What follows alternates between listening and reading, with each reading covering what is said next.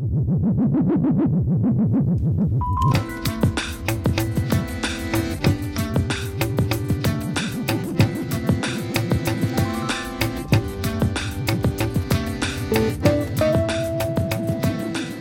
tempo da conversa desta tarde contamos con Maribel García Ibáñez, que é investigadora de postdoutoramento do Instituto de Investigacións Mariñas CSIC. Moi boas tardes, Maribel. Hola, buenas tardes. Desde cando sabemos que o aumento de CO2 na atmosfera tamén pode ser un problema pros océanos? Pues ya hay artículos que empiezan en los 90. Lo que pasa que el boom de artículos de acidificación oceánica empezó en los 2000 y a partir del 2005 creció exponencialmente el número de artículos de investigación eh, que se dedicaban a estudiar la acidificación oceánica y sus consecuencias. Pero que el océano está captando CO2 y esto pues está cambiando las características químicas del océano se lleva sabiendo desde 1950 empezaron a hacer investigaciones, pero el boom ha sido máis recentemente. E agora sabemos que grazas aos océanos unha parte moi importante do CO2 atmosférico eh, pode ser re recollido. Que, que porcentaxe eh, do, do CO2 que, que, que botamos á atmosfera acaba nos océanos? Se estima que en torno a un 30% de todo lo que se emite las actividades humanas eh, la, es absorbido por, por el océano. Este CO2 imos ver que ten incidencias ese CO2 que se absorben os océanos no pH da auga que se volve máis ácido. Como, como foi cambiando o pH da auga eh, do mar, por exemplo, desde a Revolución Industrial ata agora? Eh, lo que se estima también es que en torno a unas 0,1 unidades, que sería como un 30% de, de pH desde la revolución industrial. Es más grande que el cambio que puede haber, por ejemplo, estacionalmente en las rías, E ademais este é un cambio que se agora deixáramos de, emitir CO2, canto tempo tardaría en revertirse? Como los sistemas que vuelven a, eh, a regular el pH del océano son sistemas naturales, pues, en pues igual cientos de miles de años para volver al, al pH inicial que teníamos antes de la revolución industrial. El cambio que estamos haciendo es un cambio muy rápido por registros fósiles que intentan estimar cómo eran los cambios de CO2 eh, antes de que existiera el ser humano, pues se ve que por lo menos el, cambio que estamos eh, realizando es unas 100 veces mayor que en cualquier registro que se ha visto en el registro fósil. Boas tardes, aboa. Hola, boas tardes, Manuel. Maribel, Este é o único programa de radio que conta coa inestimable colaboración da Boa de Einstein. A Boa de Einstein que ten unha misión moi importante neste programa, que é facer as preguntas que o mellor outros non nos atrevemos a facer. Así. Sí, mira, eh, eh, todo o que estás contando enténdese, enténdese bastante ben, é eh, bastante preocupante. Mira, vouche contar unha cousa. Eu vivo no alén, e ali convivo con moitos científicos. E un dos meus colegas é o reverendo Joseph Presley, sonache? No. Mira, pois foi un home moi adiantado á súa época. Eh, e unha das cousas chulas que nos contou é que en Leeds vivía a carón dunha fábrica de cervexa. Pois ben, alén de anécdotas que xurden ao redor dunha fábrica de cervexa, pois como era un tipo moi curioso, decatouse que na fermentación saía das cubas un gas que caía ao chan, vale? Pois este gas mesturado ca auga daballe un sabor picante, e daquela eran uns inconscientes porque probaban todo o que saía dos laboratorios. E deste xeito, o noso amigo Presley inventou, sabes o que? A gaseosa. Gaseosa. Uh -huh. Sí, sí, sí, a gaseosa. Ti gusta a gaseosa? Sí. Mm, a mí gustame con viño malo. Sí, mira, todo isto en realidade Sí, sí, vai ao grau, a, sí, sí, sí, sí. É para preguntarche que pasa cando disolvemos CO2? Aparecen unha serie de equilibrios químicos interesantes, non? Sí. Sí, bueno, el CO2 cuando reacciona con el agua a diferencia de otros gases que simplemente se disuelven, este, como he dicho, reacciona con ella y entonces forma un ácido muy débil. Y al ser un ácido muy débil, este ácido se disocia, es decir, se, se parte eh, muy rápidamente y forma iones en el agua de mar, en este caso, eh, iones bicarbonato y iones carbonato. Y estos iones eh, están en equilibrio en función del pH que hay en el agua de mar. Mira, boa, isto tamén pasa nunha gasosa, eh? Sí, sí, bo, a eh, gaseosa de todo o mundo. De todo o mundo, pois se sae unha gasosa, imagínase os océanos. Entón, eh, segundo este, ese o CO2 reacciona, reaxe coa auga, fórmanse eses eh, carbonatos e bicarbonatos que xa nos van a afectar aí o, o, o pH e, e a concentración de, de carbonatos. E, e que lle acontecen cando eh, se disolve ese CO2, se volve máis ácido as augas, que lle acontecen os seres mariños que, que, que viven no mar?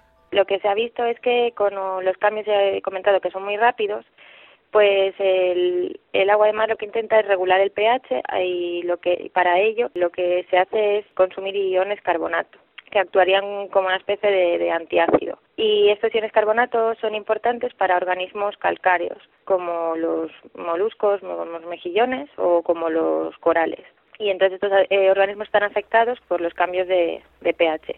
Uh -huh. E como que, que, que les afecta este cambio de pH? Que supón que, que medran menos, eh, imposibilitan eh, a súa reproducción? Que lles pasa? Eh, bueno, los organismos lo que ellos necesitan estas estructuras calcáreas que son de protección, pues ellos ahora si se les está eh, disminuyendo la concentración de carbonatos disponible que hay en el agua de mar, ellos destinarán más energía a fabricar sus estructuras calcáreas que a lo mejor a crecer o a reproducirse.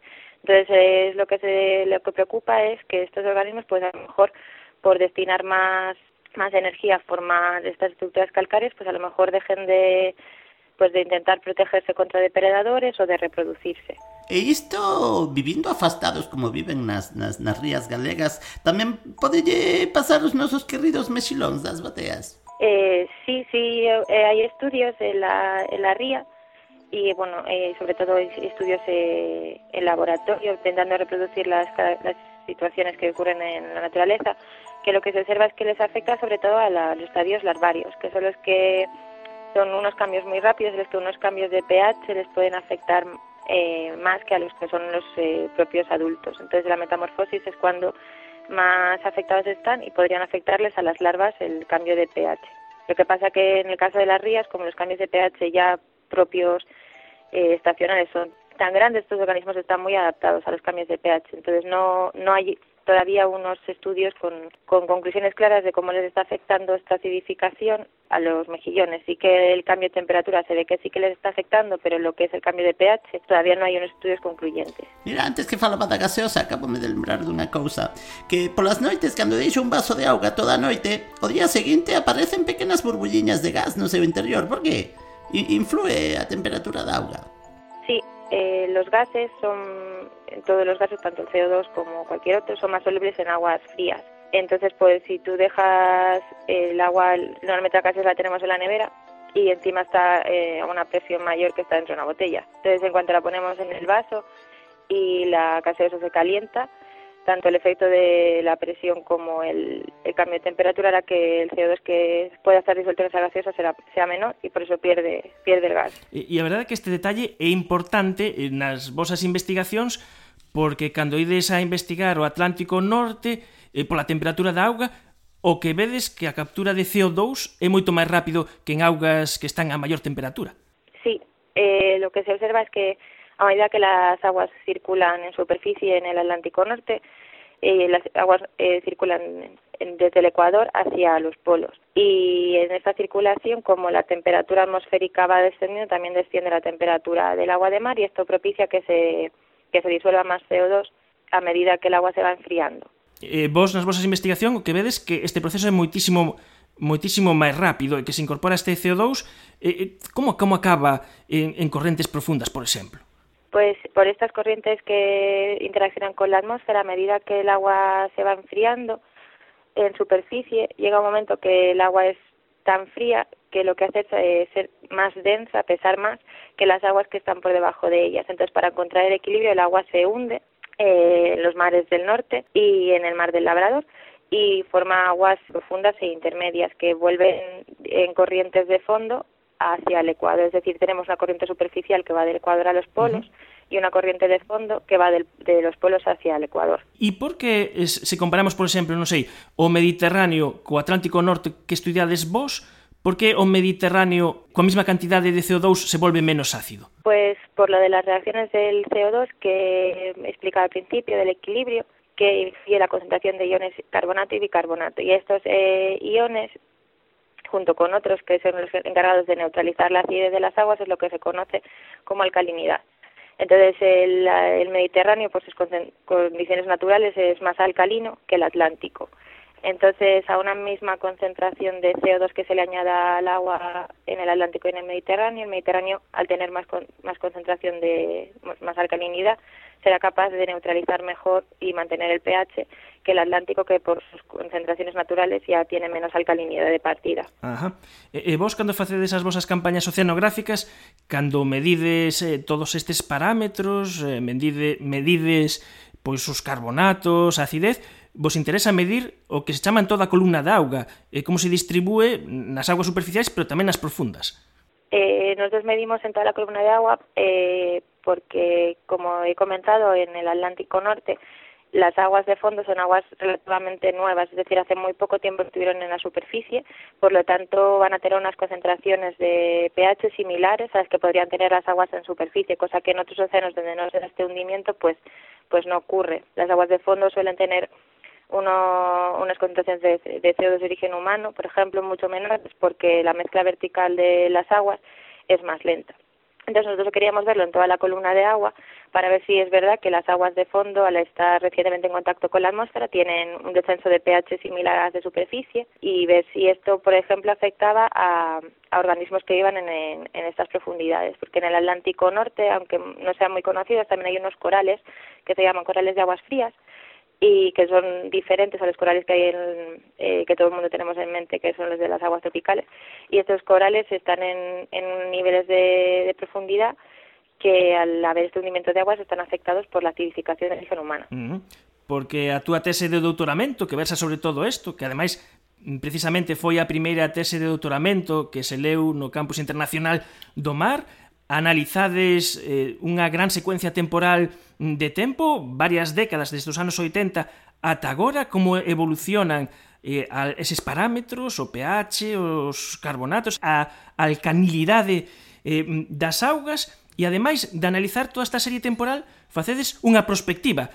E nos vosos modelos, cara onde chegaremos? Podemos chegar a un momento no que non haxa carbonato suficiente en toda a columna de auga eh, para formar eh, as cunchas e os corais? Sí, nosotros lo que hicimos fue, como has dicho, hacer un, simplemente ver cómo estaba cambiando el pH y la saturación de carbonatos, que no es más que la disponibilidad de, carbonatos que hay para los organismos, eh, desde lo, el año 81 hasta, hasta el año pasado, hasta 2015. Eh, y lo que, en base a, esta, a esto que vimos en, en, este, en este periodo de tiempo, lo que hicimos, no en vez de un modelo, lo que hicimos fue eh, proyectar es la tendencia que vemos en la actualidad hacia el futuro, eh, asumiendo que no va a haber cambios, eh, o sea, que, el, que el, los cambios que se han observado hasta ahora van a continuar en el futuro, no van a ser ni más rápidos ni más lentos. Entonces, lo, con estas prospecciones, proyecciones lo que hicimos fue cambiar la concentración de CO2 que habría en la atmósfera y ver lo que ocurría. Entonces, eh, actualmente hay unos 400 partes por millón de CO2 en la atmósfera y lo que hicimos fue seguir aumentando este CO2 y ver por la tendencia actual que CO2, que pH y que saturación de carbonatos habría en el agua. Y lo que observamos es que las aguas donde están estos arrecifes de corales de aguas frías alcanzarían una subsaturación de carbonatos, es decir, la concentración de carbonatos no sería suficientemente alta como para para ser propicia para la calcificación cuando la concentración atmosférica fuera de unas 560 partes por millón, que son solo 160 más de las que hay ahora. Y según los modelos de proyecciones de, del IPCC, esto llegaría en torno al año 2050. Entonces es preocupante porque porque es dentro de nada. Está, está a volta da esquina. Realmente, eh, esta extrapolación eh, de datos que tedes vos eh, sí que deberían de ser unha, unha alarma, non? Sí, bueno, no somos los primeros que lo decimos, de hecho, cuando se reúnen en el, en el IPCC eh, con datos de modelos y ya se está viendo que estos cambios son preocupantes. El problema es que, que es muy difícil revertir estos cambios porque, los ya como he comentado, los procesos naturales son muy lentos y no somos capaces todavía de, de capturar el CO2 con tecnología para que no sea el océano el que lo tenga que capturar y, y ocurra esto para poder eh, ter todo este coñecemento, todos estes datos, hai que facer campañas oceanográficas, hai que medir as augas, e vos no voso caso o que facedes é sair eh, da península cara a Groenlandia, eh, prácticamente liña recta, e ir facendo estas catas. Sí, eh, en el grupo en el que pertenezco lleva asociado con un grupo francés eh, desde el año 2002, hacen un, estas, estas campañas oceanográficas que comentabas cada dos años.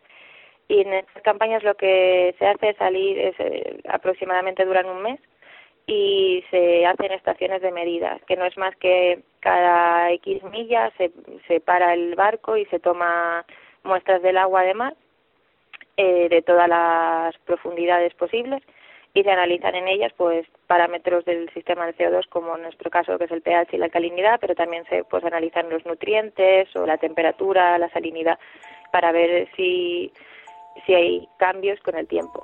Mira, nunha campaña oceanográfica debe dar tempo a aburrirse, pero moito, eh? E contarme as miñas fontes de información que non vou desvelar que na campaña Catarina estiveches tres semanas a preparar para entreter a tripulación unha muñeira. E iso que tías de Castellón. Sí, sí, porque coincidía justo, salíamos en verano y coincidía con el Día del Carmen. Entonces, como lo, la tripulación eh, siempre lo celebran, una de la tripulación pues decidió enseñarnos a bailar una muñeira y luego los eh, parte de la tripulación nos hizo los trajes con trapos y bolsas de basura y, y, y, la gaita del con la gaita del capitán y un acordeón que había nos tocaron en directo y hicimos el, el Día del Carmen unha muñeira, sí. Ah, bueno, vostede está ben informada. Sí, además tamén sei que unha vez embarcaches en un, un barco que ten un nome moi poético, Pourquoi pas? Sí, eh, ese es un barco francés que el nombre eh, lo pusieron en honor a, a otro otro investigador que tenía un barco que se llama Polcoapa, que significa ¿por qué no? Y, y fue la última vez que embarqué fue en ese barco también para realizar la misma campaña desde, desde la península ibérica hasta Groenlandia. Estamos a conversar con Maribel García Ibáñez, que la é eh, oceanógrafa e leu a primeira tese eh, no campus internacional do mar. E, e xa para rematar este tempo de conversa, eh, cara onde, eh, cara, cales van a ser as seguintes singladuras eh, da túa carreira investigadora? Pues actualmente me, encuentro buscando eh, becas postdoctorales y mi idea es, pues, ahora tengo datos observacionales, pero claro, hacer campañas oceanográficas eh, lleva mucho tiempo y también mucho dinero. Entonces lo que la investigación está yendo es hacia la hacia los modelos. Y mi idea sería pues aprender a, a modelar e intentar este, entender que los mecanismos que, están provocando estos cambios de pH que observamos, porque todavía no está muy claro que cómo responde el océano y cómo están estos cambios de pH y saturación afectando y, y cómo interactúan con otros con los cambios de temperatura, etcétera. Entonces mi idea sería pasarme a, a modelado para entender mejor los procesos.